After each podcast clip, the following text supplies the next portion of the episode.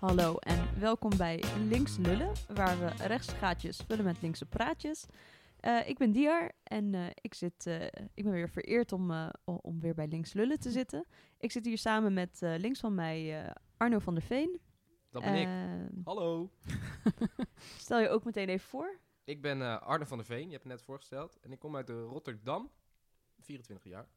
En tegenover me zit Daphne. Yes, ik eh, kom uit Amsterdam en eh, die helemaal uit Rotterdam naar Amsterdam komen, jeetje. Kijk, Amsterdam, mooiste plek natuurlijk. En eh zou ik ook maar zeggen, ik ben 26 jaar en ja, nou, jullie horen dadelijk nog veel meer over wat we allemaal vinden natuurlijk. Daar kan, kan ik het alleen maar volmondig mee eens zijn. Ik ben dus Diar, ik ben ook 26 jaar en kom ook uit het mooie Amsterdam. We gaan het vandaag hebben over verschillende onderwerpen. Er komt natuurlijk weer een haaienaquarium langs. Eh, we gaan het vandaag hebben over eh, die toeslagenaffaire waar ontzettend veel over eh, gesproken is. En moet het kabinet nou aftreden of niet? En allemaal dat soort ja, natuurlijk. Nou, ik, de discussie bars- barst al los. Ehm, en we gaan het hebben over de voor 14 campagne van de FNV Vakbond. eh, die nu in vo- volle gang is en waar allerlei acties op gevoerd worden. Ehm, en dan wil ik als eerst het woord geven aan, aan Arno. Jeetje, Want wat hij heeft formeel, weer- dankjewel. Een leuk eh, idee die hij hier komt pitchen.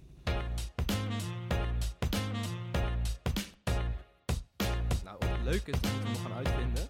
Maar waar. ik vind het in ieder geval zelf een ontzettend goed idee. Ehm, ik zal eerst even voor de, voor de vaste luisteraar, die weet intussen wat het Haai Aquarium is. Maar de podcast gaat natuurlijk dusdanig viraal de laatste tijd.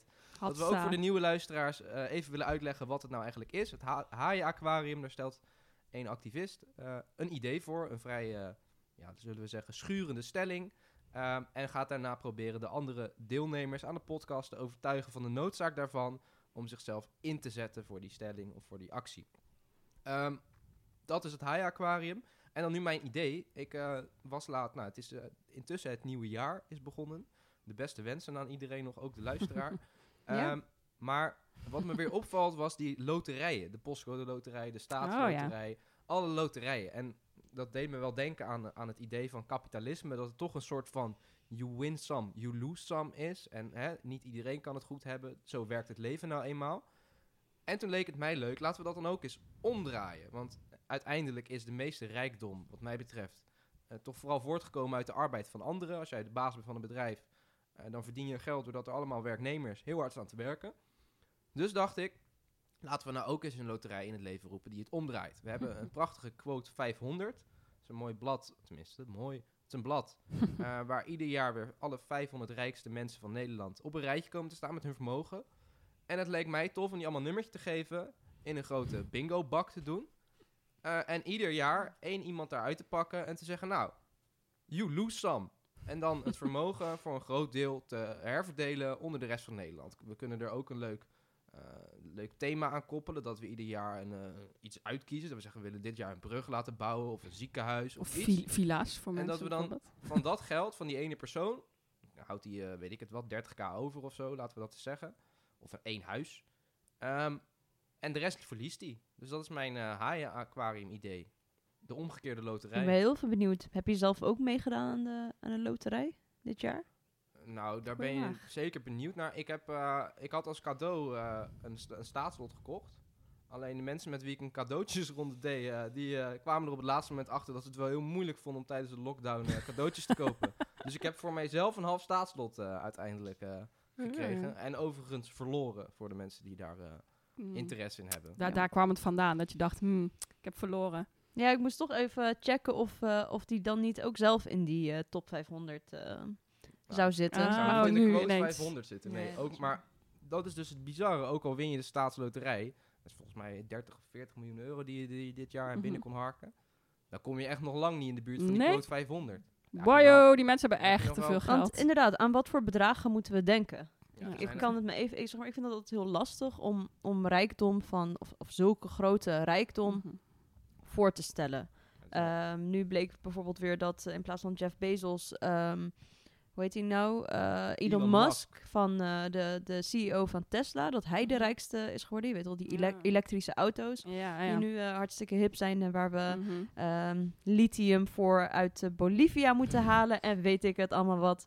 Ehm, maar hij is nu de rijkste. Maar ik, ik, kan me, ik kan me gewoon niet voorstellen wat voor, wat voor bedragen dat dan zijn. Waar denken we aan, Arno? In Nederland hebben we eh, een kleine, ik geloof enkele tientallen miljardairs. Dus dan praten we over mensen die tenminste duizend miljoen in bezit hebben. Het gaat dus over vermogen, hè, zeg Ja, je? het dus, gaat over ja. vermogen. En het gaat ook nog over geschat vermogen. Dat is natuurlijk wel altijd belangrijk om erbij te Mm. vertellen. De meeste rijke mensen zijn er toch niet zo heel trots op ergens dat ze zo rijk zijn.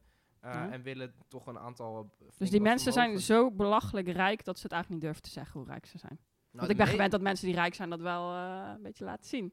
Nou, misschien zo zullen- rijk. Sommigen zijn daar trots op. Zeker Mhm. mensen die de afgelopen twintig jaar rijk zijn geworden over de rug van anderen. Die zijn er het meest Mhm. trots op.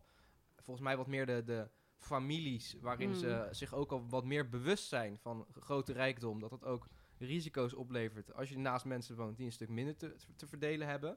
Ja. Eh, dus die zijn er wat minder pocherig over. Maar je ziet dat er grote families, nou neem een familie Heineken, oh ja. ja, die, die zitten te- tot Ja. de komende eeuwen zitten die nog wel gebakken. Als we daar niet een, eh, een kleine loterij voor in het leven roepen. Ja, Waarin je ook af en toe hè, wat kan verliezen. Nou, ja, ik vind het wel echt een fantastisch idee hoor. Het klinkt echt superleuk. Maar ik dacht, waarom doen we ze niet gewoon allemaal? Maar dan heb je natuurlijk het loterij onderdeel niet meer. Maar daar ben ik sowieso natuurlijk voor dat we het vermogen eh, gewoon, eh, hoe noemen we dat ook alweer? Nationaliseren, herverdelen, hatsa. Maar eh, nee, ik vind het wel een fantastisch idee. Dat we gewoon die mensen, nou, voelen zij ook eens eh, hoe het is. Want het is ook niet alsof ze met hard werken daar zijn gekomen. Het is ook gewoon stom geluk waarschijnlijk.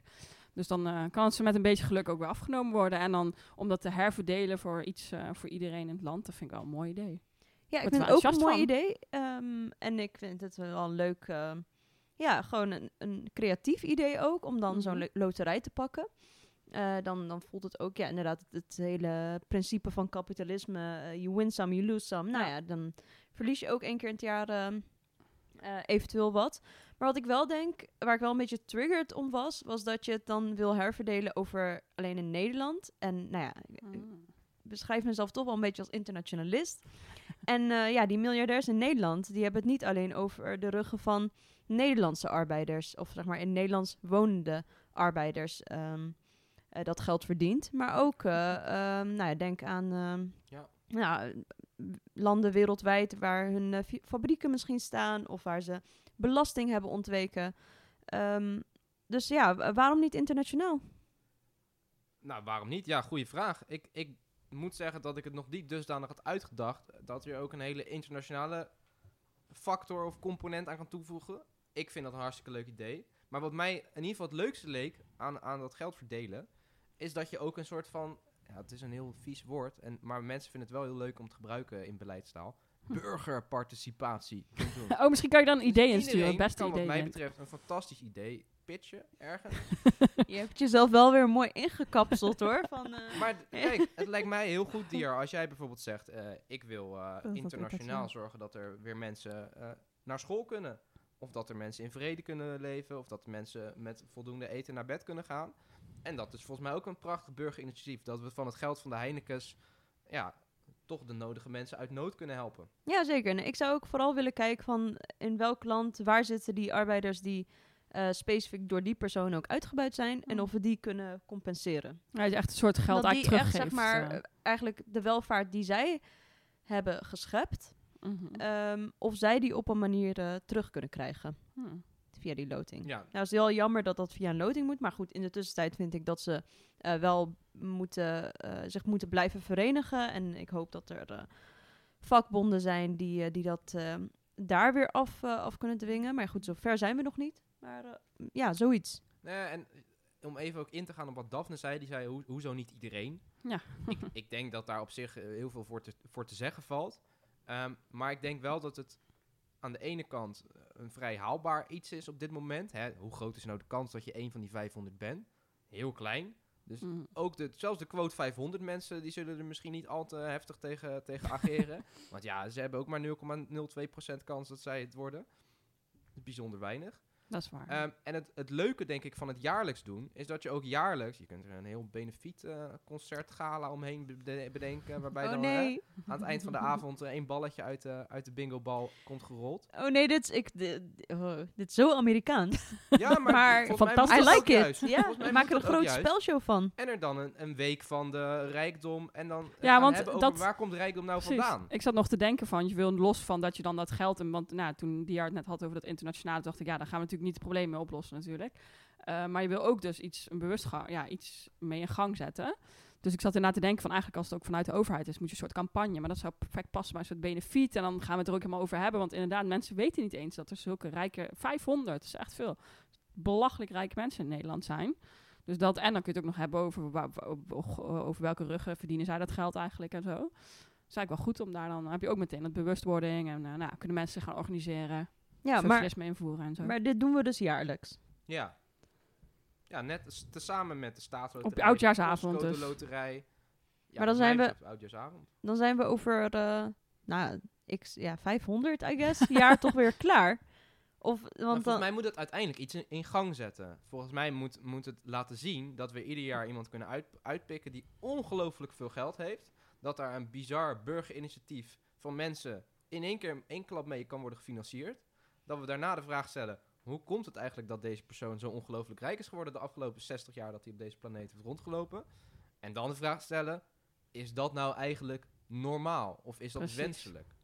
En ik denk dat als je dat consequent doet, dat je dan ook de discussie aan kunt gaan over moeten we niet überhaupt veel meer vermogensbelasting gaan doen? Of moeten we niet Hmm. überhaupt voor een grotere herverdeling van middelen en vooral van productiemiddelen gaan zorgen? Hè, de Ja. dingen waarmee we alles kunnen maken. nee, Dus daarom, ik, ik, als we er twee uitkiezen, of drie, of vier, of vijf, eh, lijkt me ook hartstikke leuk. top 3 doen ook nog inderdaad. Ehm, misschien nog zelfs een soort gradatie, hè? want je hebt altijd hoofdprijswinnaars en tweede prijzen. Dus ja, of je, of je kiest er drie, vermogen, de andere dan- helft. mogen daarna inderdaad de mensen stemmen over welke van de drie het wordt. Dat je Ja, er nog een, een, een kleine verkiezing bij doet. Of een jury die gaat kiezen. Ja. Ik zie het echt al helemaal voor veel me, mogelijkheden. Ja. Ja. Als ik maar wel een leuke glitterjurk aan mag naar het benefiet.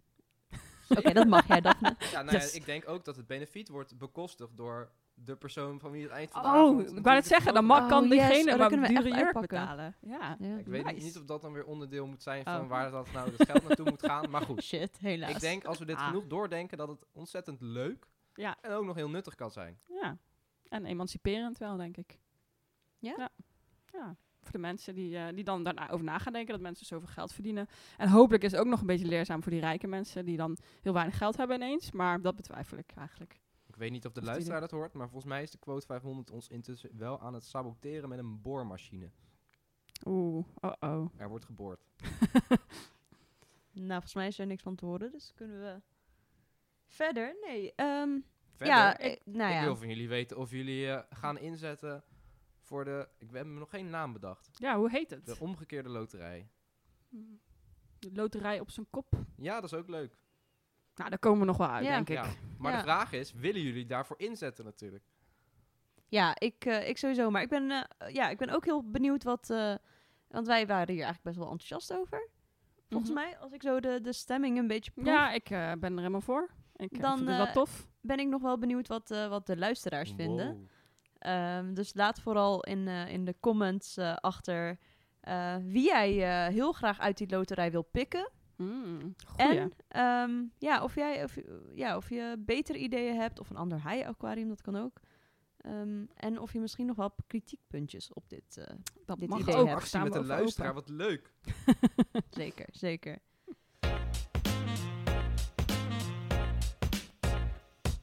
Yes. Nou, daar gaan we voor voor dit voorstel. Ja, Tof. ja, nou ja, dat zou meteen een oplossing kunnen zijn voor het volgende onderwerp. Namelijk ehm, ja, die verschrikkelijke toeslagenaffaire.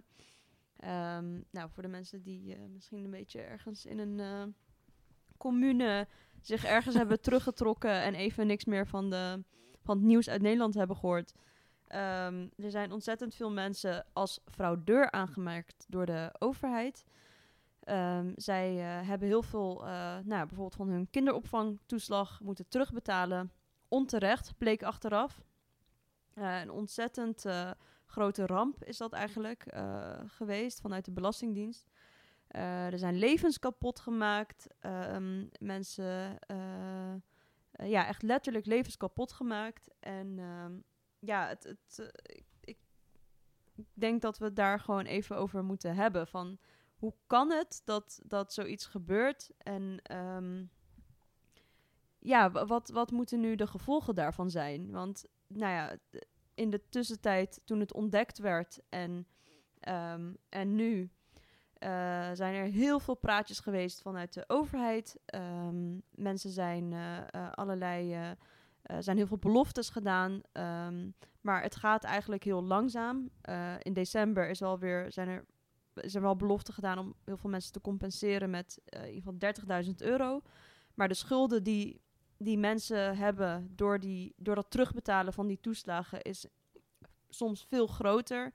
En dan heb je het nog niet eens over al die incassobureaus en al die bedrijven die hier weer aan verdiend hebben.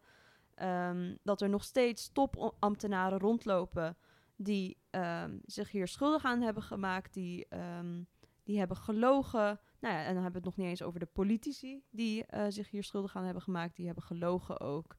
Um, en nog steeds geen verantwoordelijkheid hebben genomen. En nou ja, ik vind het bijna lastig om, om het over zo'n groot onderwerp te Mhm. hebben. Want ja, wa- wat, wat moet je hiermee? Wat, wat, wat is de oplossing? Welke koppen moeten rollen? Ehm, Figuurlijk. figuurlijk, inderdaad. Ehm, en ehm, ja, Ja, het is denk het is inderdaad zo'n groot onderwerp. En nou ja, ten eerste moeten gewoon natuurlijk die mensen gezinnen gecompenseerd worden. En nou ja, wat je net zegt, sommige mensen zijn natuurlijk zo in de schulden geraakt en, allerlei problemen, banen kwijtgeraakt, et cetera. Dus dat los je ook niet op door alleen even dat geld te compenseren, volgens mij. Dus ik denk dat daar ook breder naar gekeken moet worden. Van ook de emotionele schade die mensen hierdoor hebben opgelopen. Ehm, ja, maar ik vind, eh, ja, en het is inderdaad een heel groot onderwerp, speelt veel. Want het moet ook nog eens van hoe heeft het kunnen gebeuren? Hoe gaan we dit niet meer doen? Hoe gaan we dit voorkomen? En wat nu natuurlijk met die eh, verhoren ging natuurlijk ook over van hoe heeft dit inderdaad kunnen gebeuren? En was het toch al eigenlijk toch wel verschillende signalen dat het eh, wel ambtenaren het hebben aangekaart of dat Asscher er misschien toch wel deels van wist en dat er niks meer is gedaan. Dat vind ik zo bizar, want deze mensen ook, die, die wisten dat natuurlijk wel, de mensen die er slachtoffer van waren. En waarom is dit niet eerder opgepakt? Want dat dit kon gebeuren is natuurlijk al verschrikkelijk, maar dat er niks meer is gedaan, dat vind ik zo bizar. En ik vind het ook interessant dat nu natuurlijk over tien weken hebben, geloof ik, zijn de verkiezingen al, als ik het goed zeg, ongeveer. ja. Ehm, dat, ik heb ook het idee dat dat ook extra ingewikkeld maakt. Dat we nu eh, tegen de verkiezingen zitten, campagne zitten. En nou, jij zegt net, politiek die hier geen verantwoordelijkheid nog voor neemt. Ik ben ook wel benieuwd, ja, dat heeft natuurlijk ook met elkaar te maken. Want ja, je, als je nu lijsttrekker bent, ja, ga je niet echt nu zeggen, nou, ik stap op of zo. ja. Ja. Best wel nadelig voor ze. Dus dat ja, vind ik ook nog wel interessant hoe dat weer effect erop heeft eigenlijk. Ja, en dat het en, en, en moet zijn. Want als Ja. politici gaan aftreden, het is niet genoeg. Het is Nee, dat is namelijk, ehm, ergens is dit heel erg met opzet gedaan in hoe die ehm, toeslagen u- überhaupt in elkaar zitten. Dat, dat je voor, voor elk wis- wisselwasje een toeslag moet aanvragen. Ehm, dat ehm, ja, het, eh, dingen als het minimumloon eigenlijk structureel heel lang te laag waren. Dat En- kinderopvang niet gratis is. Precies. Ja, inderdaad, Ook- dat het überhaupt al... Ja, dat het überhaupt al Ja. via zo'n ingewikkeld systeem moet, is natuurlijk al. Ja, eh, met ja. Niet alleen kinderopvangtoeslag, maar al die toeslagen. Ja, en- ja, en dat heel lang mensen eh, überhaupt al verdacht werden gemaakt eh, voor, voor arm zijn, eigenlijk. Voor überhaupt zo'n zo'n Ja. toeslag moeten, moeten aanvragen. En dat er ook actief vanuit de, eh, vanuit de overheid een, een klopjacht eh, is, is begonnen. Nou, een heksenjacht zou je het bijna noemen. Ja. Op mensen die eh, die, die toeslagen ontvangen. En dan Ja, hebben plus we nog niet het racistische. Ja, Oh, dat wilde je nu zeggen. Sorry. ja, nee, maar echt. En, ja, de- eigenlijk een veel te lange aanloop voordat we het überhaupt hierover hebben. En dat Mhm. merk je ook alweer in de... Ja, ik word echt boos van. Nou, dat merk je ook alweer in, in het hele rapport dat achteraf is opgesteld. Hoe heet dat rapport ook alweer? Ik weet het niet eens meer. Maar goed. Maar Ehm, dat, dat daar het hele institutionele racisme... Want dat is wat het is. Er is gewoon actief op mensen met een dubbele nationaliteit gezocht. Dat dat, dat nog niet eens onderzocht is. Laat staan Ja. aangepakt. Ja. Ja, en dat hangt volgens mij heel erg samen met, met nou ja, de afgelopen eh, hoeveel jaar Rutte die we wel niet hebben gezien. En ook daarvoor trouwens van, van ehm, het doen alsof bezuinigingen, sociale zekerheid die achteruit holt, alsof dat te maken heeft met eh, drie Marokkaanse moeders die niet in Nederland, maar in Marokko een bijstand ontvangen. Of anderhalve Bulgaar uh, die in Bulgarije uh, nog stiekem werk doet, terwijl die hier een uitkering vangt. En de totale focus op, op die fraude aanpakken. En het Mhm. idee hebben dat het kleingeld waar het over gaat, bedoel, over hoeveel geld hebben we het hier? Volgens mij, als je dat in families Heineken omrekent, dan zijn het er heel Ja, weinig. Uh, en kun je met één omgekeerde loterij het weer allemaal oplossen. Ehm, daarin zie je hoe, hoe fout het eigenlijk is vanuit de overheid. Dat we heel actief sturen. Waar kunnen we met zo min mogelijk weerstand mensen aanpakken? Want dit, is, dit gaat niet Ja. om, om waar het meeste geld te halen viel. Dit gaat niet om waar we de grootste ondermijnende criminaliteit of fraudeurs kunnen aanpakken. Nee. Dit gaat erover waar kunnen we heel makkelijk, zonder weerstand, die mensen hebben heel weinig. Dus het is ook heel moeilijk om jezelf te verweren tegen zo'n Mm. grote Ja. overheid. Ja, Waar kunnen we die heel mij- makkelijk afknijpen en er zo min mogelijk gezeik mee krijgen? ja. Ja, in die zin is het toch weer heel politiek. Want dit zijn dus echt wel inderdaad wel overwegen keuzes. Dat je dus inderdaad kiest om die fraude aan te pakken. Om die mensen inderdaad te targeten ook. Ja. Volgens mij zie je het in het rapport terug. Volgens mij zie je het in de hoorzittingen terug. Volgens mij zie je het in de debatten van de afgelopen tien jaar terug met staatssecretarissen en ministers. Dat er zeker vanuit de kabinetten Rutte consequent elkaar in bescherming wordt genomen. De ambtenarij in bescherming wordt genomen. De Belastingdienst als geheel in bescherming wordt genomen. Ja. En er geen moment wordt gedacht. Maar hoe zit het eigenlijk met die mensen zelf? Ja. We zijn heel veel bezig geweest met het beschermen van mensen die keuzes hebben gemaakt. Maar heel Mhm. weinig met het beschermen van mensen die er slachtoffer zijn van zijn geworden.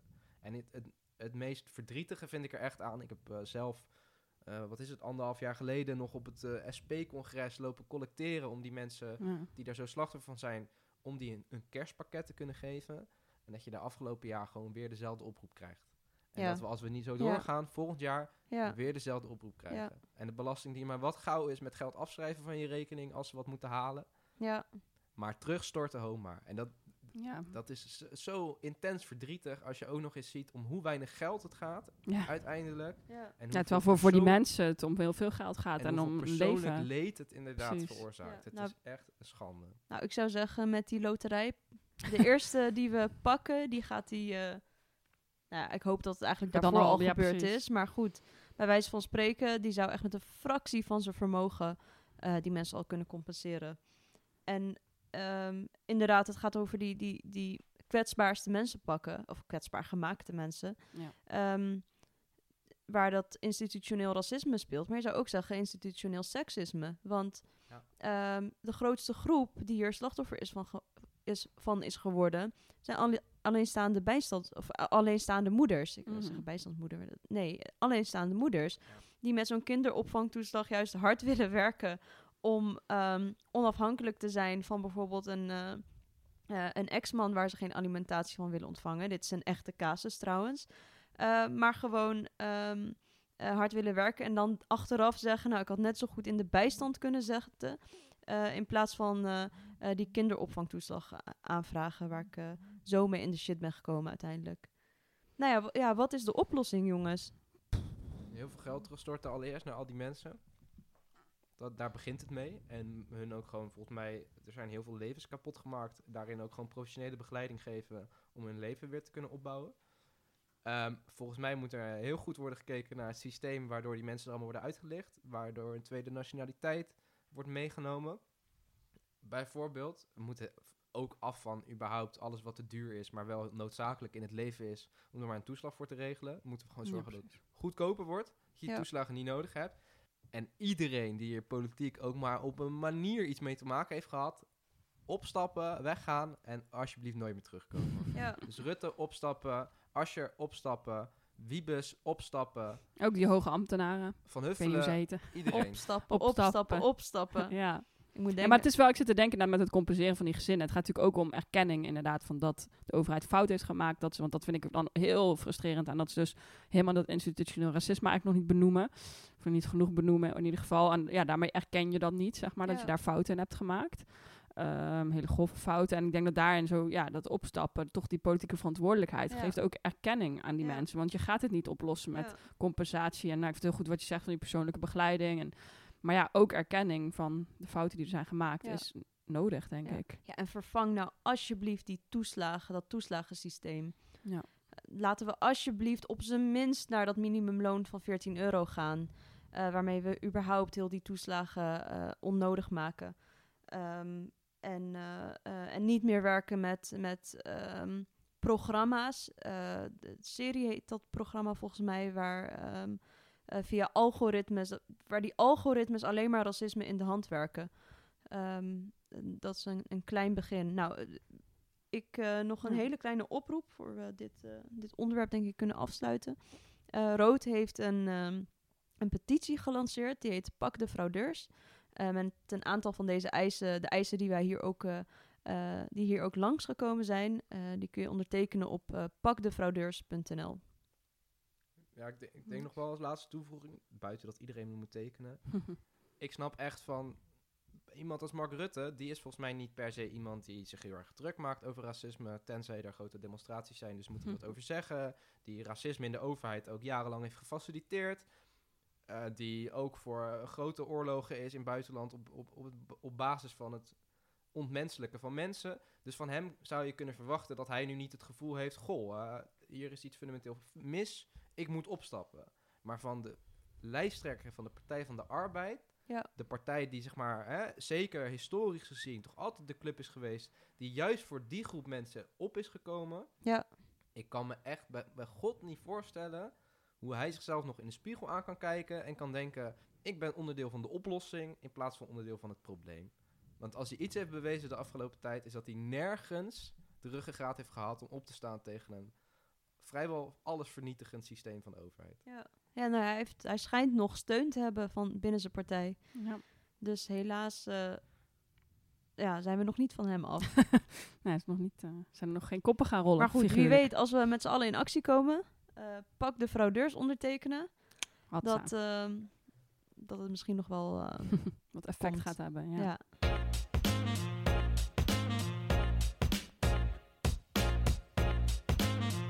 En zoals Dia net zei, de, het minimumloon voor 14 noemde je al even. Dat is het volgende onderwerp waar we het over gaan hebben. Want uh, nou ja, we het net over hadden, hè, al die verschillende toeslagen. Ik vond het ook interessant trouwens wat je zei inderdaad over het seksisme uh, vlak uh, in, in dit gedoe. Dat, ja, dat een alleenstaande moeder dus dan ook met die toeslagen en kinderopvang. En nou, dat is ook super slecht geregeld in Nederland. Maar sowieso hebben we dat hele systeem inderdaad met die toeslagen. Maar ook het minimumloon is gewoon hartstikke laag. En uh, nou, de FNV is nu al een tijdje, ik weet al iets meer dan een jaar geloof ik, nu bezig met de campagne voor 14.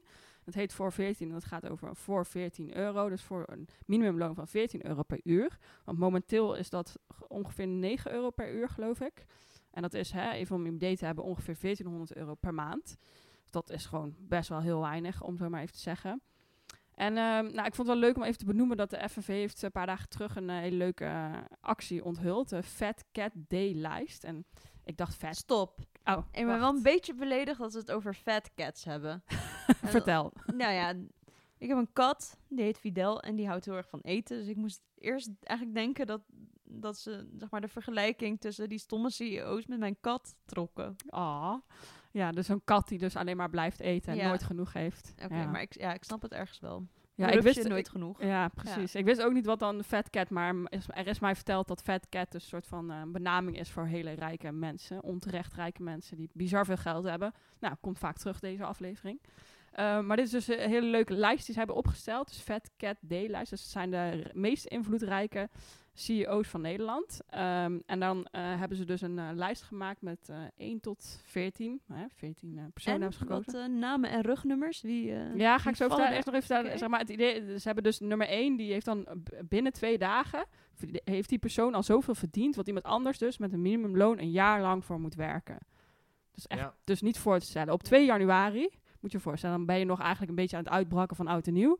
Heeft die man gewoon al verdiend. Wat een vakkenvuller of nou, wie verdient nog meer minimumloon bij de post volgens mij. Ja, als postbezorger, schoonmaker. Als je dan fulltime werkt, een heel jaar lang.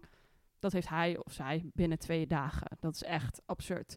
En nou, de rugnummers en namen. De eerste is dus... Oh, dan moet ik hier even de, goed de lijst uh, bijpakken. Even kijken hoor. Spanning wel goed op. Ja. Le leuk deuntje in doen. Um, de eerste is de CEO van Philips. Frans van Houten, die uh, heeft dus om 2 januari om kwart over tien ochtends al, hè? dus niet voor twee volle dagen, gewoon een dag en een beetje werk, heeft hij dus al zoveel verdient als iemand anders in een jaar voor moet werken. En laten we eerlijk zijn, die, die man die staat pas om 12 uur op. Hè? Die is niet al om kwart over tien, of die is niet zeven uur s ochtends opgestaan. Ik denk niet dat hij, eh, misschien werkt hij wel, begint hij om negen uur, dat, dat weet ik niet. Maar hij zal zich niet kapot werken, denk ik. Nee, dat eh, geloof ik niet. Zijn mensen ook niet op Ja, 1 en dan januari het wel doen. Ja, Ja. dat is waar. Ja, echt hè. Alsof je dan wel Het, het- ja, het- er zit toch wel ergens een soort limiet aan wat hard werken op moet leveren, of zo? Ja, En dat we, Dat ik vind wel, het ja. hartstikke goed hoor, mensen die zeggen ik heb hard gewerkt, dus eh, ik moet veel verdienen. Prima. Maar ik vind het wel heel interessant hoe je je eigen hard werken toch altijd vrij beperkt ziet. Mhm. En dat bij een ander die een stuk minder verdient, zeg maar minimumloon, wat fysiek vaak toch wel iets zwaardere arbeid is dan wat de CEO van Vaak wel, ja. te doen. dat we daar dan even vergeten zijn dat hard werken moet lonen of zo. Dat dat, oh, dan is het anders. ja.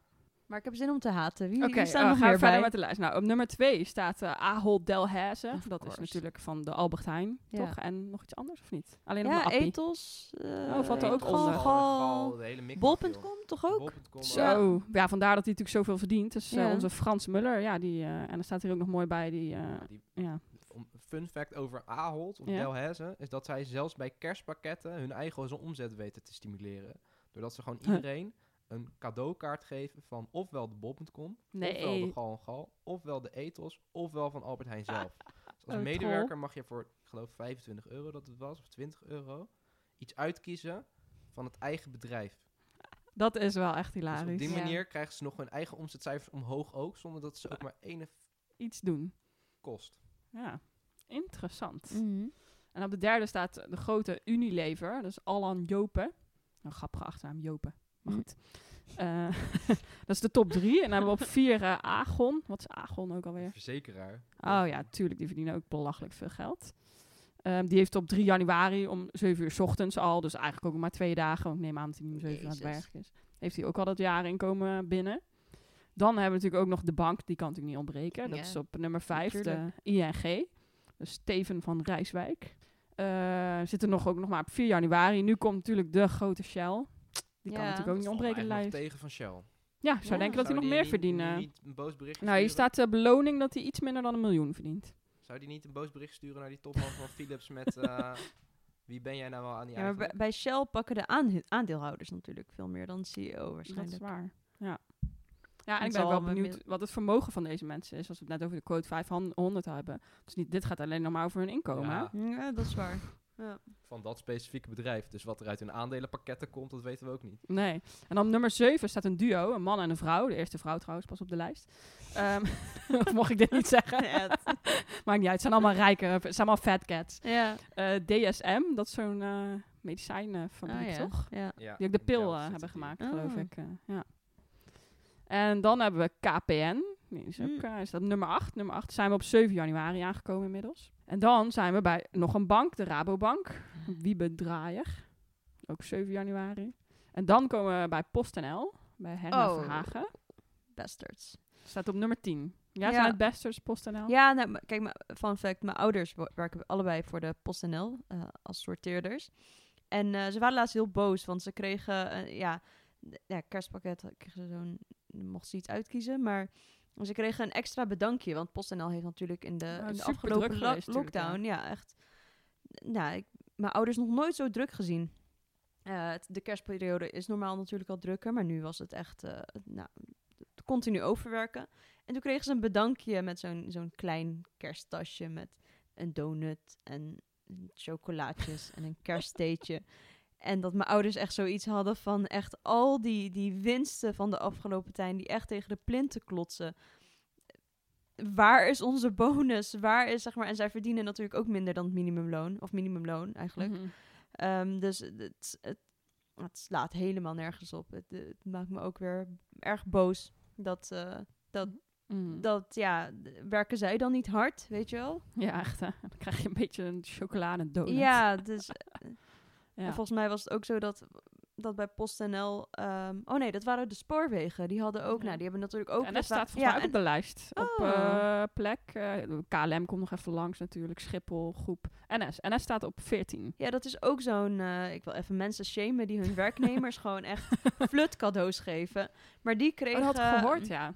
Ja, die hadden volgens mij te weinig geld voor een, uh, een goed kerstpakket. Die kregen een eerste uh, klas kaartje, geloof ik. Nee, die, die kregen sokken met het NS uh, in NS-kleuren. Ja. Dat je oh, ook denkt van, die mensen hebben zo ontzettend hard gewerkt het afgelopen jaar. Die hebben, waren natuurlijk een van de, de vitale arbeiders. Ja, die Of, moest eh, gewoon doorwerken natuurlijk. Ja, die moest gewoon doorwerken en dan krijg je een paar sokken. Nou, ik, eh, nog meer reden om boos te zijn. Dus dat. En eh, nou, dus dit, dit is dus de Fat Cat. eh, dus, dus dat eh, voor 14 campagne daar dus eigenlijk aandacht voor vraagt. Dat het dus om het minimumloon dus te verhogen naar voor 14. En ik vind het sowieso echt een toffe campagne. Want ze zijn er nu dus al een jaar of iets langer denk ik mee bezig. En eh, ja, je ziet dus dat ook in veel verkiezingsprogramma's. Volgens mij zelfs bij de VVD staat nu dat ze het minimumloon willen verhogen. Ja, Natuurlijk nog niet naar de 14 euro die wij zouden willen. Maar ja, het is wel tof dat dat gewoon nu al ja, onderwerp van gesprek is. En eh, dat partijen daar wel over hebben. En het dus in ieder geval willen verhogen. Want ik denk ook in die zin dat het ook weer belangrijk is dat het daar überhaupt over gaat. Want ik denk dat veel mensen die natuurlijk meer verdienen dan het minimumloon... helemaal niet weten hoe weinig het minimumloon is. En nou ja, hoe weinig Ja. je dan krijgt. En hoeveel beroepen dat wel niet zijn. Eh, dus ik denk dat het goed is dat het daarover gaat. En het is ook een hele concrete actie natuurlijk, hè, van naar 14 euro. Gewoon lekker concreet, duidelijk. Gewoon meer geld verdienen. En dan heb je ook, nou ja, dan zou je ook inderdaad, waar we net over hadden, die toeslagen deels anders kunnen inrichten. Want ja, dat je gewoon een fatsoenlijker inkomen hebt. Ja. ja. en dat laat voor mij heel goed zien, in het, juist omdat het heel veel eh topmannen, toch vooral, en een aantal Ja. topvrouwen eh, van, CEO, of, eh, van bedrijven zijn, waar de meeste werknemers echt niet zo ver boven dat minimumloon zitten. Of op dat minimumloon. Mhm. Eh, en wat dat betreft, ja, de vergelijking toch best goed te maken is met een eh, fabrieksarbeider die bij Philips dingen in elkaar zet. Eh, ja, in hoeverre werkt hij nou, eh, wat is het, 180 keer minder hard dan eh, de topman van Philips? Ja, dat, Ja. dat is denk ik best een, een goede Ja, discussie om te voeren Mhm. eh, over de rechtvaardigheid van, van wat we nou eigenlijk aan het doen zijn met elkaar. En je ziet Ja. inderdaad lokaal, er zijn al heel veel gemeenten die zich Oh ja. uitspreken. Ehm, volgens mij doen we de, de rubriek CD afvakkelen niet, maar om er toch even kort op in te gaan. Met onze nieuwe Wopke Hoekstra als bijna lijsttrekker, als hij nog een keer eh, het congres nog een keer doorgaat daar. Heeft al wel de verhoging van het minimumloon uit hun verkiezingsprogramma weten te schrappen. Eh dus CDA probeert intussen VVD rechts in te halen, economisch gezien. interessant. Ehm, maar daarbuiten, buiten Wopke Hoekstra, heeft het inderdaad op iedere politicus wel effect. En dat is heel eh, tof om te zien. Ja, Ja. zeker. Ja, en ik vind het ook heel tof dat, ehm, ja, dat die campagne ook super inclusief is. Dat, dat merk ik er wel aan op. Ehm, ze spreken zich volgens mij ook niet alleen uit voor, voor 14, maar ook eh, heel hard tegen racisme en hoeveel Ja, mensen van kleur eigenlijk onder dat, eh, eh, eh, ja, met een minimumloon eh, moeten leven.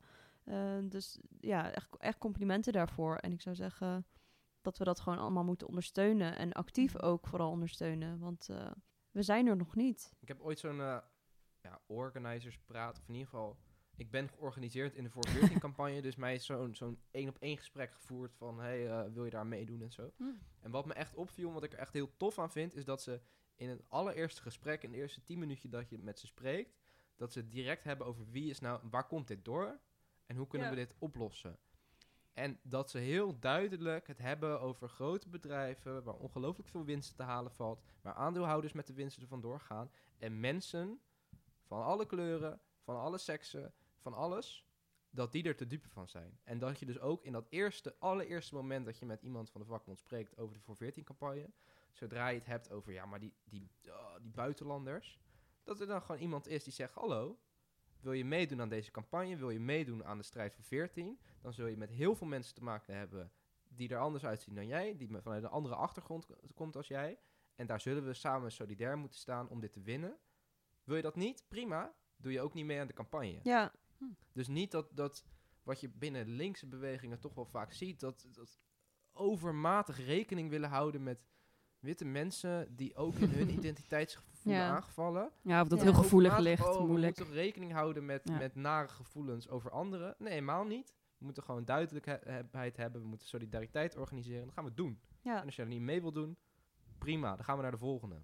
Ja, en inderdaad, wat je zegt, ook echt met de mensen. En tof dat ze dan ook echt een diverse groep mensen bereiken. En ik denk dat dat, nou ja, wat jij dan zegt nu ook daarover, dat dat er ook aan bijdraagt dat die mensen dus meedoen. Dat je dus duidelijk tegen racisme bent en nou ja, daar ook eh, ja, sterk in staat. Dan krijg je die mensen ook eerder mee natuurlijk in je campagne. Ja. Dus dat is wel eh, Ja. netjes, ja. Ja, en steeds meer steden zijn uh, volgens mij ook uh, nu inmiddels op weg naar een voor 14 stad te worden. Ja. Uh, Vertel, wat houdt dat in? ja, dat houdt in dat, dat die, die campagne nu ook bezig is met um, in steden de gemeenteraad zover te krijgen om, om te zeggen van wij willen ook een, een minimumloon van 14 euro en wij spreken ons daarvoor uit ik weet even niet welke steden dat al zijn, maar Nijmegen in ieder geval Amsterdam. Ja, Nijmegen, Amsterdam inderdaad. Ja. Groningen volgens mij ook. Zo. Groningen, ja, dus dat is, nou, het, de goede kant op. Het is symbolisch, maar het, uh, ik denk dat het in de vooral ja, in de communicatie en, en alles dat dat wel een goed, um, een goed signaal is naar de landelijke politiek ook. Van, ja, doe het nou. zeker. nou. Wij, wij willen dit als gemeente, doe het nou. Regel het. Ja, Fix it. Ja, ik vind het ook mooi dat het dus inderdaad zo concreet iets is. Want als we dit bereiken, dan hebben mensen daar gewoon een hele grote groep mensen in. En hebben daar ook gewoon concreet wat aan. Je verhoogt echt hun inkomen. En eh, dat kan zoveel teweeg brengen, denk ik. Dus dat vind ik ook wel tof daaraan. Het is gewoon een hele concrete verbetering van de, mensen, ja, van de situatie van mensen. Uh, waardoor ze ook weer anders naar de wereld kunnen gaan kijken, denk ik. En kritischer kunnen zijn op die CEO's die dus ook belachelijk veel geld verdienen. Dus dat uh, ja, vind ik ook wel heel tof aan. Ja, het, als, als dit gewonnen wordt, is het een historische overwinning. Het is 40% mm -hmm. boven, bovenop minimumloon. En vroeger was de vakbond, of eigenlijk iedereen de afgelopen 30 jaar, gingen we toch al ons van tevoren neerleggen bij het idee dat veel verandering moeilijk ging worden. Dus gingen we maar inzetten op het compromis. En dan werd het mhm. compromis van het compromis de uitkomst. Dus uiteindelijk helemaal niks. Ja. ja, maar het mag ook wel. Want wat is het? De afgelopen 40 jaar zijn de lonen ook gewoon structureel achtergebleven. Ja, bizar. Ten opzichte van de winsten. Dus we, zitten ook gewoon op een enorme achterstand. Um, ten opzichte van als het minimumloon gewoon meest tegen de afgelopen jaren, op waar we op hadden moeten zitten. Hmm. Dus uh, ja, ik zou zeggen. Waar kun je nog uh, de, je uitspreken voor 14? Kun je nog ergens je steun betuigen? Zijn er acties waar je aan deel kunt nemen? Uh, ja, volgens mij kan je lokaal uh, actief worden bij de voor 14, omdat ze naar het lokaal dus allerlei acties doen. je kan sowieso naar voor14.nl petitie ondertekenen, volgens mij. En ja, volgens mij kan je bij een lokale actiegroep dan ook aansluiten of online meedoen, vrijwilliger worden. En uh, nou, zoals we dus zeiden, zijn hele leuke, uh, actieve, diverse groepen volgens mij. En uh, nou, mocht je zelf dus ook met een minimumloon zitten, dan kun je natuurlijk ook op je werk daar echt iets mee doen. Samen met, met deze campagne. Dus ja, dat is hartstikke tof. Dus doe dat vooral. Ga naar voor14.nl en like en deel en zo, alles. Mooi. nice. Ik ga mijn ouders denk ik ook maar Goeie, ja. om binnen PostNL een beetje. Dat uh, cadeautje, dat uh, nep, uh, nepbonus die je Ja, die nepbonus moet een echte bonus worden. Ja, ja precies. Nice. Nou, dit was Links Lullen. Wij hebben geluld, jullie hebben geluisterd. Like, subscribe en deel. En tot de volgende keer. En ben je nou ook benieuwd waarom we nog niks over de Amerikaanse toestanden hebben gezegd en het fascisme wat daarop komt? Luister dan volgende week naar de speciale special over Amerika.